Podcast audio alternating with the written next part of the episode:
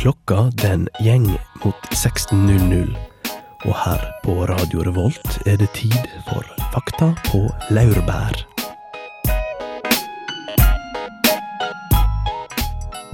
Velkommen til Fakta på laurbær her på Radio Revolt. Eh, Denne sendingen skal handle om dyphavet.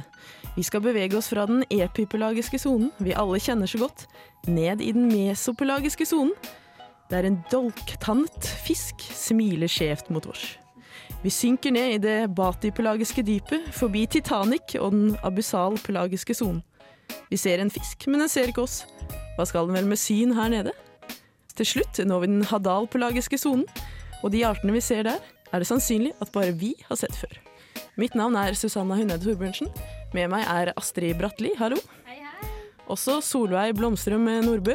Hallo. Og Bjørn Grimsmo, en spesiell gjest i dag. Hallo. Hei, hei. Vi skal snart videre i denne sendingen om dyphavet, men først er lita låt. 'Midnight Oil' med 'Underwater'. Er det fem minutter?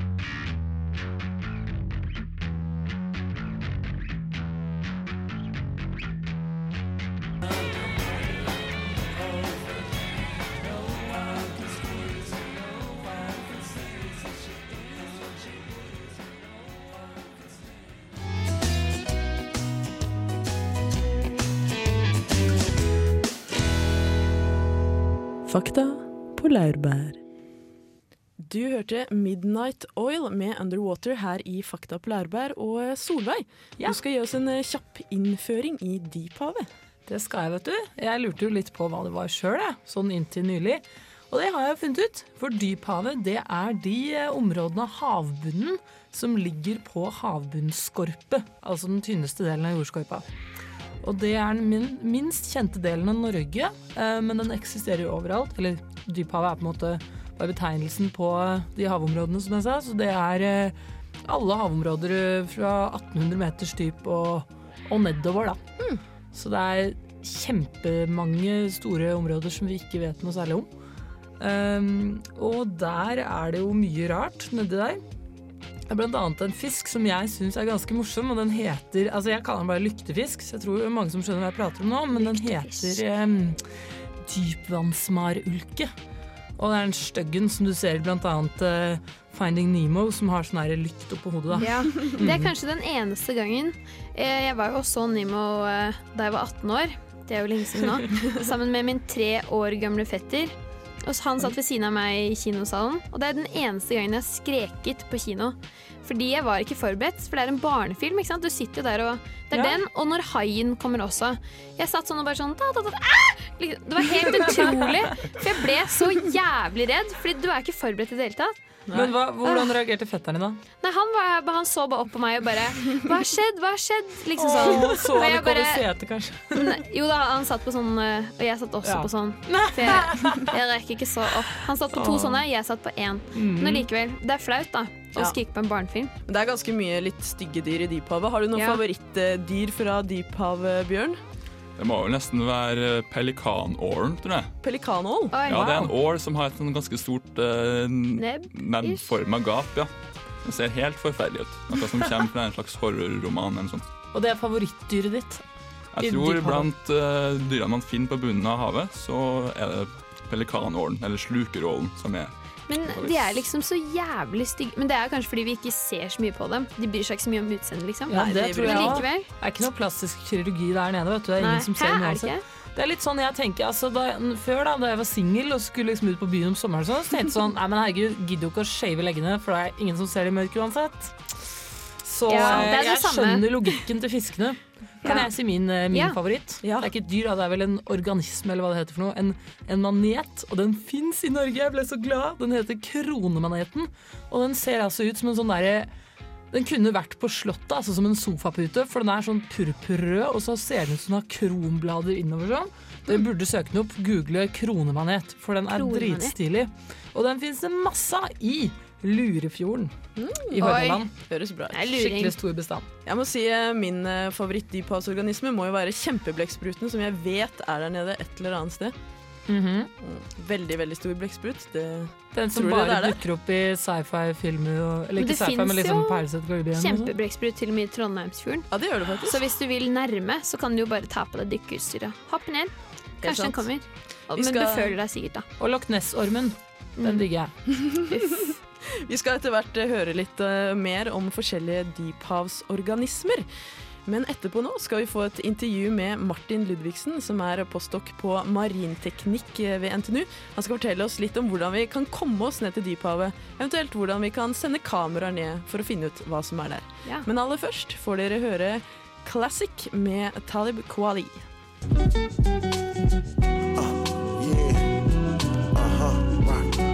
With it, rock with it. classic. Uh, uh, Material.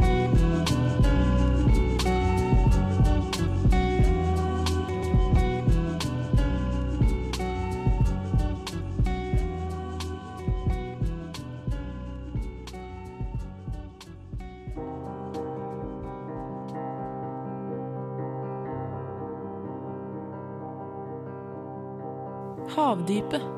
Per i dag kjenner vi lite til hva som foregår der nede i forhold til andre steder på kloden, ja til og med mindre enn både månen og Mars. Noe av grunnen til dette er at det kreves spesielt robuste farkoster for å stå imot det høye trykket på så store dyp. Marianegropen er den dypeste havgropen på kloden med en dybde på 11 034 meter, og her har få mennesker vært. Men i 1960 dro dyphavsforsker Jacques Picard og løytnant i den amerikanske marine Don Walsh ned til hele 10 912 meter med en undervannsfarkost som kalles batiscaf. De fikk se et område så avsidesliggende at ingen før eller etter har reist ned dit. I dag bruker vi en del ubemannede fartøyer for å utforske havdypene. Martin Ludvigsen er postdok ved Marinteknisk institutt på NTNU og driver mye med slike undervannsfarkoster. Han forteller oss litt om noen av de vanligste. Kan du forklare meg hva er en eh, ROV? Det er en kabelstyrt undervannsfarkost. At eh, operatøren sitter oppe og styrer farkosten eh, mens han ser på en videoskjerm. Så er det en kabel ned til farkosten som de kontrollsignalene på en måte da, og, og strømmen til farkosten går i. Brukes eh, ROV mye på dyphavet, og til hvor store dyp kan det brukes? Ja, de kan jo sånn eh, i, i prinsippet gå helt ned til eh, det dypeste punktet vi vet om, i Marianegropen. Det brukes egentlig ja, over hele, hele rekka, for å si det sånn. Hva slags kunnskap er det vi får når vi bruker ROV? Det blir litt eh, det samme som eh, Man får en sånn tilstedeværelse. Man får jo videobilder, det er jo det første. Og så kan man eh, utstyre farkosten med alle mulige slags sensorer. Det kan være strømmålere, og det kan være forskjellige ekkolodd, og det kan være sonarer til å søke etter objekter, eller andre sensorer for å måle vannkvaliteten, f.eks. Du jobber også med noe som heter AUV. Hva er det for noe? Det er en annen slags farkost. Den er eh, forhåndsprogrammert. Da er det sånn at operatørene legger inn et program eh, som eh, forteller farkosten hvor den skal gå. Og så, etter at farkosten er sjøsatt, så, så gjennomfører den det programmet mer eller mindre på egen hånd.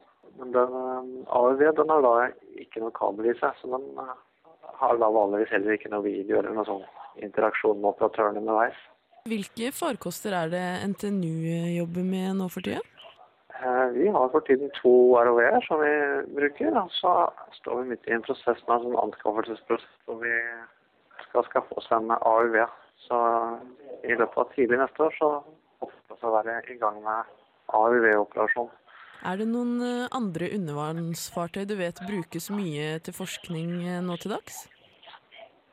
Det er noen miljøer som fortsatt har sånn bemanna ubåter. Eh, Det er litt på vei ut, fordi det er veldig kostbart. Og så innebærer det jo en viss personellrisiko som ikke vi har, da. Så det er faktisk bemanna fartøy i bruk i dag. Går de dypt? Det er noen som går ned til 6000 meter. Og litt senere, her i Fakta på Laurbær, skal vi ta deg med på en liten dykketur ned i dyphavet.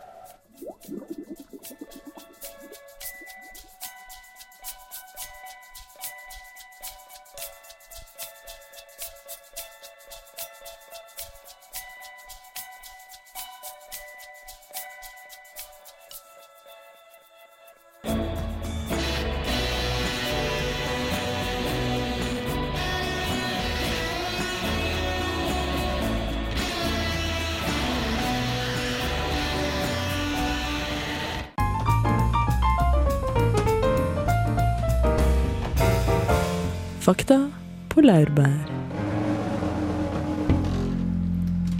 Du hørte Forest Fire med The News. Og eh, Bjørn, du vet litt om det farkosten de brukte for å komme seg til dyphavet i 1960, nærmere bestemt eh, Marianegropen. Ja, det er artig med roboter og automater og sånt, men ordentlige tøffinger de kjører ned i havet sjøl. Og den her bateskaffen til Picard, eller Trieste, som den, eh, dens egentlige navn var, det var ikke rare greiene. Det var en stor tank med bensin, essensielt, og noen beholdere for ballastkula. Og så var det en eh, ca. to meters kule på bunnen av båten her, hvor da Picard og assistenten hans satt. De hadde ikke mye plass, med andre ord. Nei, de hadde ikke mye plass, og det var Det var omtrent eh, sju grader på bunnen av eh, havet der. Så de der og spiste sjokolade i kanskje 20 minutter. Og på vei ned, da de var omtrent på 9000 meter, da sprakk den ytterste ruta i eh, den her Shit, Da blir du litt nervøs. Det rista i hele ubåten da det skjedde. Det, var, det er ganske heftig. Nede på bunnen der så er trykket om lag eh, 1250 kilo per ja. kvadratcentimeter. Den er på størrelse med en uh, fingernegl. Herlighet, det er jo helt sinnssykt. Men de overlevde. Ja, de, de klarte seg fint. De kom jo opp igjen og forklarte historien. Det er ikke så veldig mange som har eh, Eller det er ingen som har reist ned dit etter det. Men du, eh, Solveig, vet om en som har litt planer om å reise på dyphavet. Det gjør jeg. Jeg, håper, jeg skulle nesten ønske du sa det var meg nå, for jeg syns det virka litt kult. Ja, jeg har alltid hatt så lyst til å gjøre det. Ja, ikke sant? Dyphavet vet du burde arrangere turer dit. Jo, for det er en fyr som heter Richard Branson, som har bygga veldig mye raketter eller romskip og sånne ting. Jeg tror han faktisk hadde planer om å arrangere noen sånne måneturer for folk og sånn. Å ja, så han tar enten jævlig langt opp eller jævlig langt ned. Det liksom Ja, han er ikke noe sånn mellomting. Han trives sikkert ikke på jordoverflaten.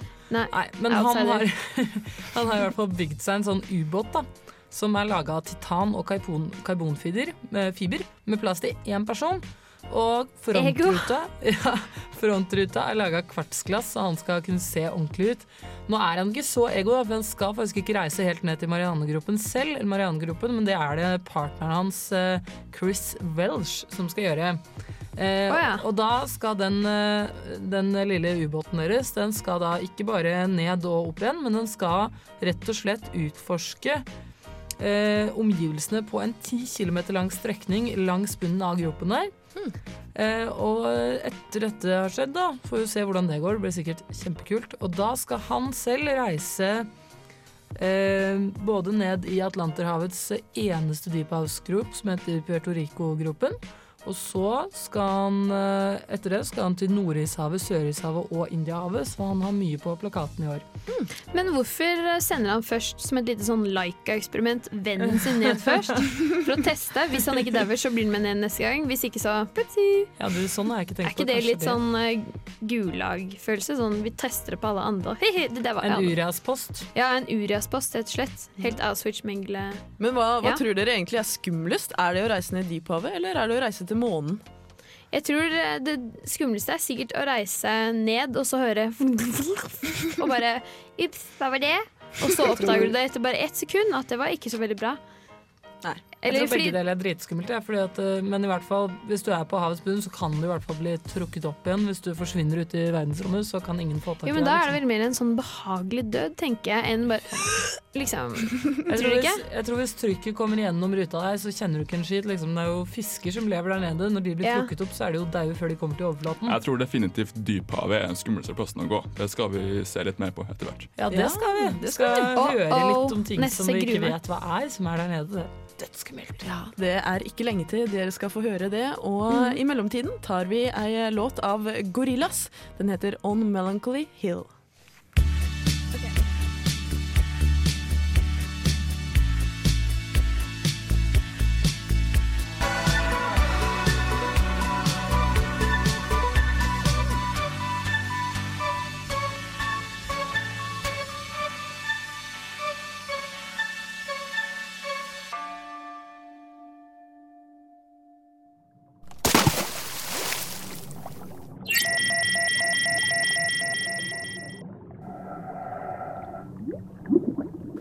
Befinner oss i en liten båt med perfekt trykk og forhold tilpasset menneskelig aktivitet.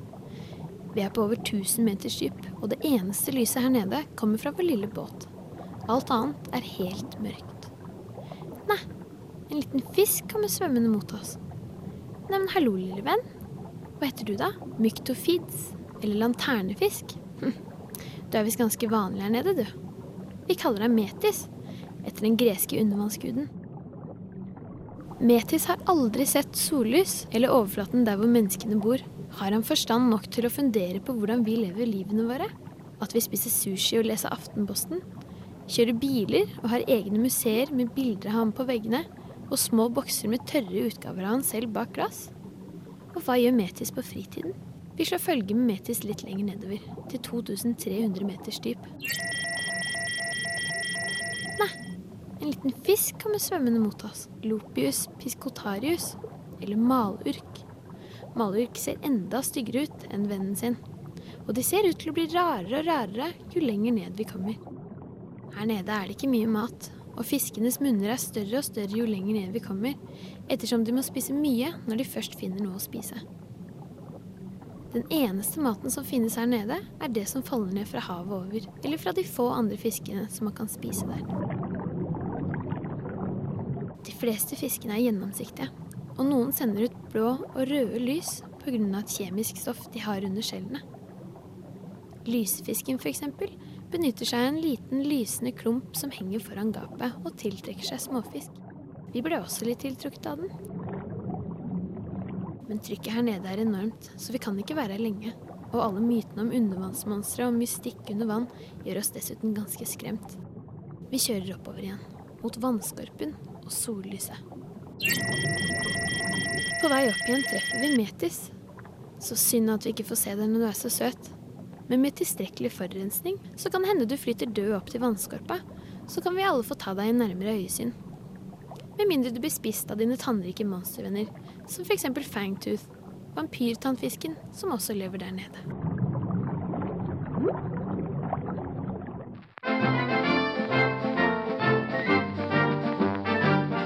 Fakta på laurbær. Det var Astrid som eh, rapporterte fra Dyphavet. Ja, jeg var nede, da, selvfølgelig. Ja, selvfølgelig. Jeg misunnes. Live. Men det stemmer jo. Det er jo noen ganger eh, dyr fra dyphavet flyter opp, eller at vi får de i garn eh, her oppe på land. Og det, dere har vel kanskje sett bilde av The Blob, alle sammen? The Blob? Har dere sett Ja, det er den fisken? derre gelélignende eh, lille Pokémon-greia. Ja, Eller den ser litt ut som Snorlax. Ja, Snorlax. Men jeg tenker, hvordan ser den egentlig ut? Vi har jo bare sett Som hvordan den ser ut som uh, guggete i det lave trykket her Ja. oppe. Og er den egentlig så sur som den ser ut som? Kanskje den egentlig har smilfjes? Det så veldig sur ut. Den ser veldig sinna sur ut. Nei, ikke sinna, men veldig sånn peaceful. Det ser ikke ut som den har noe egenskap der nede. Den bare flyter rundt og håper at det kommer noen. Ja. Jeg har ikke sett den. Det Å, er, oh, der er den jo! Ja, der er den. Snille. Bendik eh, lastet opp et bilde til oss. Ja. Men vet du hva, jeg syns den ser ut som en sånn jorden, eh, Sånn der potetballong eller noe Et smeltet Walls and Gromit-ansikt eller noe. Den ser Veldig så stor nese. ut. Ja, veldig stor nese. Ja. Det der var sært, altså. Men du nevnte jo også, Astrid, saken din at uh, fiskene lokker hverandre med lys og spiser, uh, spiser hverandre. Og Ja. det, det rare er at ingen vet faktisk hvorfor eh, dyr er tiltrukket av lyset. Nei, men de vet hvorfor. Det er pga. kjemikalier i kroppen deres som gjør at de kan sende ut. Men sporadisk bare. Generelt så virker det som om det bare er enkelte steder på kroppen hvor de sender ut blå eller rødt lys. Så den eh, scenen i Nemo er ikke nødvendigvis helt riktig. Men drita skummelt for det, så det, det Akkurat da tenkte jeg bare la fakta gå til side. Det var grusomt. Ja. Så hver gang jeg er ute og svømmer nå, så tenker jeg litt sånn Kan den har klart å svømme opp? Fordi, Har dere sett tennene på den? Tennene på. Fy faen. Den, den eh, fisken med sånn lille fiske... Fiskestang med lys Ja, på den foran. derre Ja, derre dypvannsmarulken. Den ja. fins jo. Har dere sett tenna der? Ja. Jeg tror ikke den er så stor. Store. Nei, men den er, det er nok, Stor nok til å spise fot. Ja, fotstor. Den er Den er, den er 45 cm lang, kan jeg opplyse. Oi, det er nok til en fot, altså. Er ikke det Nei, det tror jeg ikke. Jeg bruker jo størrelse 45 i sko, så jeg lurer på om det var 45 cm. Men jeg tror ikke foten min er 45 cm lang, da. Nei. Nei, Men, men, eh, eh, det vil jo si at marulken garantert kan spise foten min hvis den vil, da. mm. Så jeg er eh, imponert over at du turte å svømme ned Ja, ja, der, ja. Astrid. Det det blir helt si. våt. Eh, Nå skal vi videre i programmet. Vi skal høre en låt av Fucked Up, Queen of Hearts.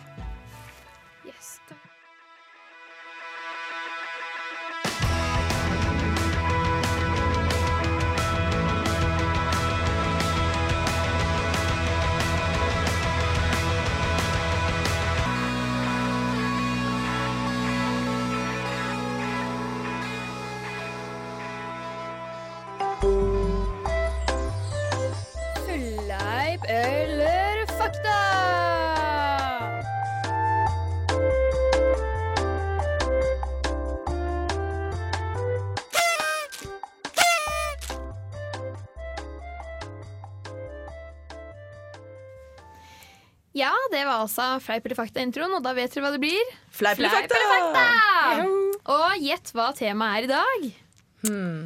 Ja, Kanskje det er fisk? Altså, fisk, og det er undervann.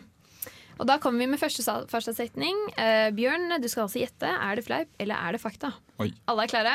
Yes. Ja. Er det sant, er det fleip eller er det fakta at mange dypvannsfiskere bruker nærmere 20 år på å bli seksuelt modne? Nei, det høres Sier du som hørtes veldig vond ut. Du, jeg tror det er fakta, fordi at jeg, den, der, eh, den kronemaneten som jeg liker så godt, den eh, vokser veldig sakte, og det tror jeg mange andre fiskere gjør. Så når ikke de får noe lys, vet du, litt som blomster, så kan de ikke vokse heller. Nei, det er ikke vis. tilgang på så veldig mye næring der nede. Det er sant, det. Og, Men hvem vet, de er jo ikke i fare for å bli utfiska akkurat, sånn at vi vet jo ikke hvordan bestanden er, og da trenger de jo kanskje ikke å utvikle seg så fort. Så jeg, jeg, jeg sier fakta. Jeg syns det virka litt mye. Jeg sier, jeg sier fleip.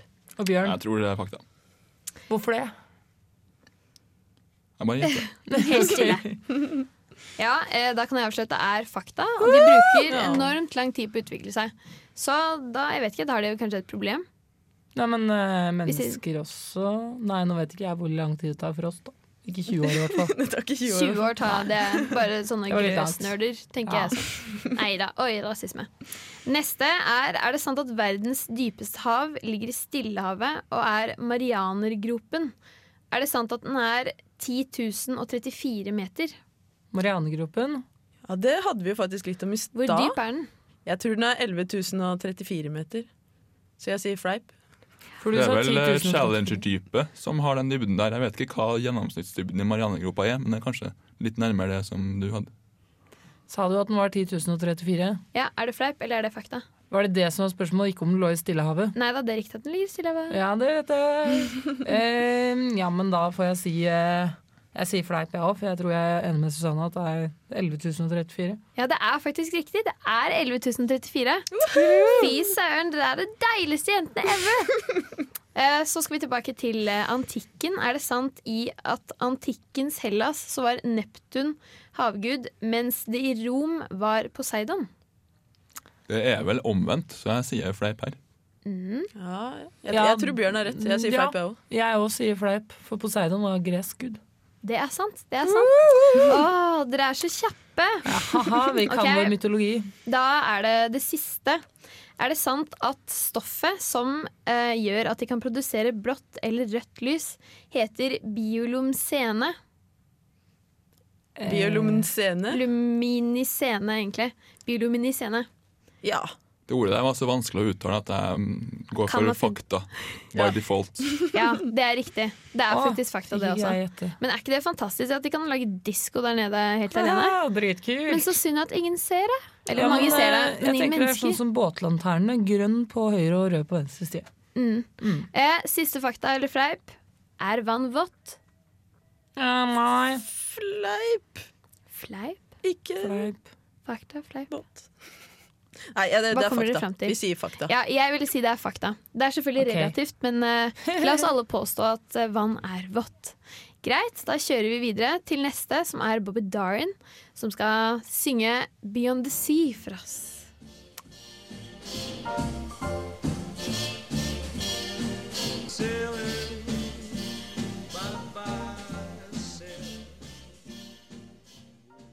Det var Bobby Darin med 'Beyond the Sea' her i Fakta på laurbær på Radio Revolt. For en bra sang! Nydelig sang. Nydelig sang. Takk. Passer fint til temaet. Vi skal videre til et av dine favorittemner, Bjørn. Ja, vi skal snakke litt om mystiske lyder fra havets dyp. Ja, Det blir spennende. Vi hører eh, Bjørn sin sak om mystiske lyder fra havet.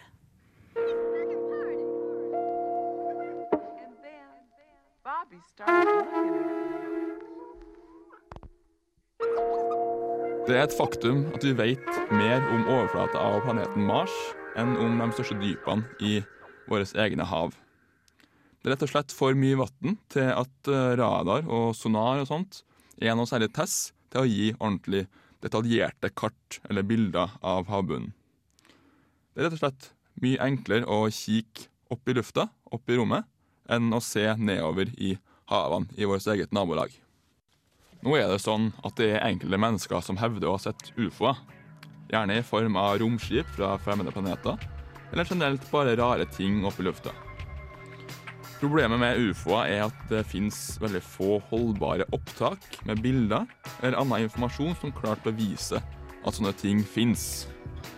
I havet derimot har vi veldig klare opptak. Veldig tydelig bevis på at det er et eller annet mystisk som foregår.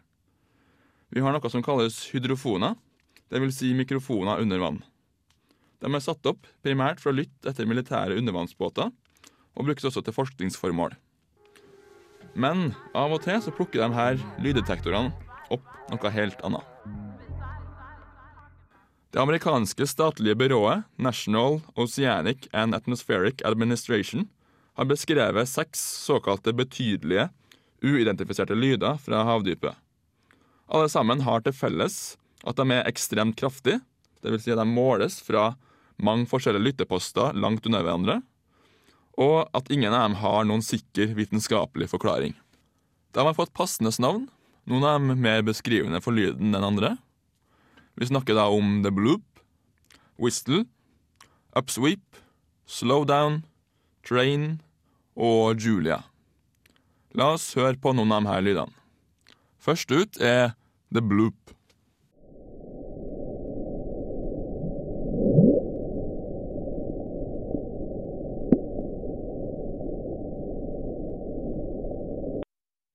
Der hørte vi altså The Bloop. Og Hva, hva syns dere det her høres ut som? Kan det være at noen har lagt inn MP3-spilleren? Eller nei, det kan ikke.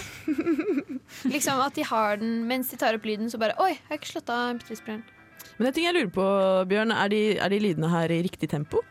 Nei, de er, tempoet er øka eh, mellom 16 og 20 ganger, de okay. fleste. Mm. Så de høres ikke helt ut som vi ville hørt dem hvis vi stakk hodet under vann. Men det er fortsatt et faktum at de her lydene er veldig høye. De lages av et eller annet. Og altså, det her er ikke noen som sitter i badekar og blåser bobler. synes jeg sånn. Det her er verdens høyeste lyd, faktisk. Oh, yes. Det er den kraftigste lyden som er målt på jorda noensinne. Så det er ikke noe hval? Det er ikke en hval. Det er for høy lyd til å være en hval. Hmm, Eh, profilen stemmer ikke med noe eh, menneskelig maskineri, og heller ikke med geologiske aktiviteter som vi kjenner til. Jeg tenkte liksom For det høres jo ut som du sier, da. Holdt på å si som noen som blåser bobler i badekaret. Bare en gigantisk luftboble som kommer stigende opp. Men Mm. Som en fisk som fjerter. Ja, Eller kanskje en hval som slipper en ja, kanskje det er det. Det en hval som promper. Men Det var eh, ja, kan det være en luftboble? Det lurer jeg på om det kan være en luftboble, kanskje. En kjempeluftboble fra avgrunnen? Ja. Det kan hende, men jeg vet ikke om vi kjenner til at det har skjedd så mange ganger. Nei, for det ville man kanskje merka på overflaten hvis det plutselig kom en så stor luftboble og Ja. Hvis Hiroshima kom oppover, så hadde man jo bare Oi, det var kjipt. Ja, Kanskje, det jeg vet forblir ikke. et mysterium. Ja, vi får gå videre og høre på Ja. neste lyd. Denne heter Whistle.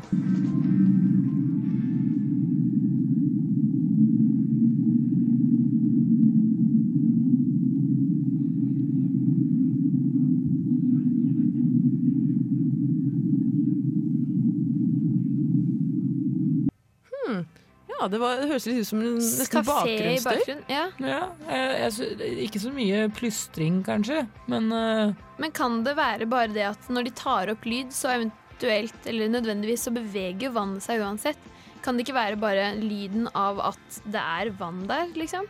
Det er den bakgrunnsstøyen som du hører. Det er vannet. Ja. ja. Men lyden her har noen forskere spekulert det kanskje kan være uh... Lyd. Hmm. Nei, det her, her hadde vi ikke noe på. Nei, Nei det, de hadde rett og slett ikke peiling på i all Nei, verden er denne. Jeg hørte bare bakgrunns, bakgrunnsstøy. Ja. men uh, det er nok jeg som har litt dårlig hørsel. Den var litt svak, den lyden der. Ja. litt svak lyd, eh, men det var den ikke i havet. Der var den veldig høy. Ja. Siden den ble tatt opp av eh, to mikrofoner, var det ikke så? Som sto Akkurat høyen her var faktisk bare én hydrofon, men de fleste andre er to eller flere.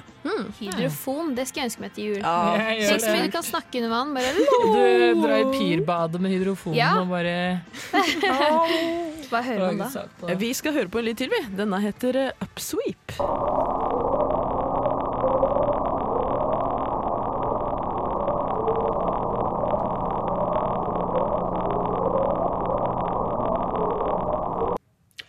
Vet du hva jeg syns det høres ut som? Nei.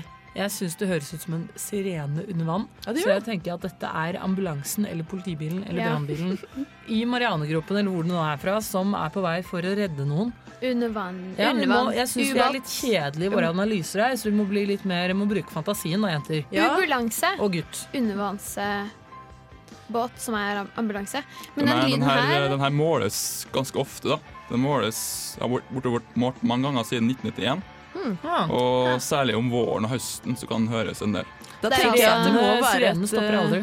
Kanskje det er et paringsrop fra et Ja. kjempedyr, siden det er på våren. Etter, 19, altså etter Sovjets fall så kom denne lyden altså inn eh, Det er- må være en reaksjon på kommunen... Nei. Ja, det har neppe noe med at det er da eh, mikrofonen ble satt Nei, det er sikkert ikke derfor. Men den lyden her har jeg under dashbordet, eh, fordi det er en skru som er løs under her. Men det er det helvete å skulle balle seg inn og skru fast, så det må høre på den hver dag. Ja. Grusomt. Du er heldig, du. Nei, Vi får gå videre og høre en eh, ny lyd. Denne heter eh, Slowdown.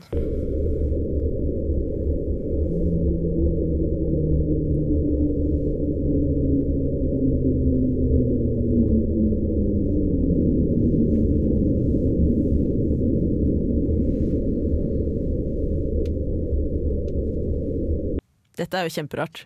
Dette er vel et fly som kjører over. Eller det er kanskje en, en hval som har det vondt. Det er nok et dyr som uh, lider på en eller annen måte, vil Ja. jeg tro. Jeg syns det hørtes sånn ut. Det er Nei, med mindre det er uh, shark. De kan lide som faen. Ja, du er ikke så glad. Hater hai. Fy faen, bare ved pirbadet.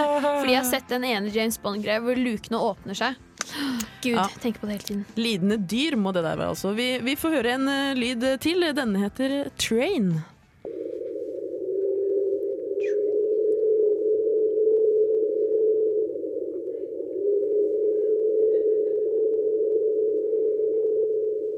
Det høres ut som en togfløyte, det gjør det. Ja. En togfløyte, eller så er det en liten Gammelt fisk. damplokomotiv. Det høres faktisk sånn ut, men jeg tenker For nå kommer jeg sånn i den modusen. Kanskje det er en liten fisk, og så roper den mor.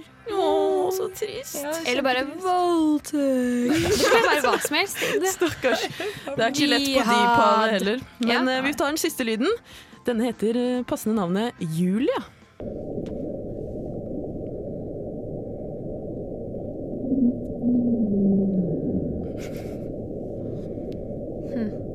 Er det en feminin lyd? Det er jo en hval ja, som er sulten. En kjempehval. Rumling er- i magen til hvalen. Ja. Hvor eh, dypt nede var disse lydene fra? Det er vanskelig å si. Lydene blir tatt opp uh, i et uh, lag av vannet som uh, leder lyd spesielt godt i stor dybde pga. trykket. ja. Så det Så kan, det kan komme være fra, det kan komme fra omtrent hvor som helst i havet.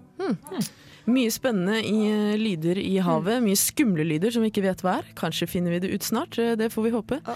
Nå skal vi høre på Siski You med Twigs and Stones.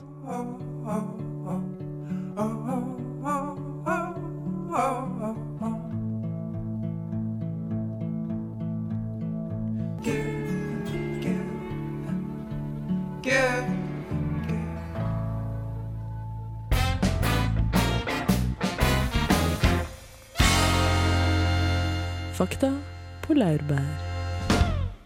Vi går mot slutten her i Fakta på laurbær på Radio Revolt. Vi har hatt om dyphavet, Yep. og eh, neste uke må du også høre på Fakta på laurbær. Vi lover et eh, spennende tema da også.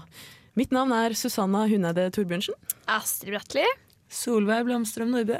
Og Bjørn Grimsmo på besøk. Og i tillegg så har vi med Olav Tryggvason himself bak rattet. Omtrent. Knappene. Har vi Bendik Balme. Det har vi. Takk til tekniker. Og hør på på tirsdag, som kommer etter oss nå. Her får du Pelbo med Join Their Game.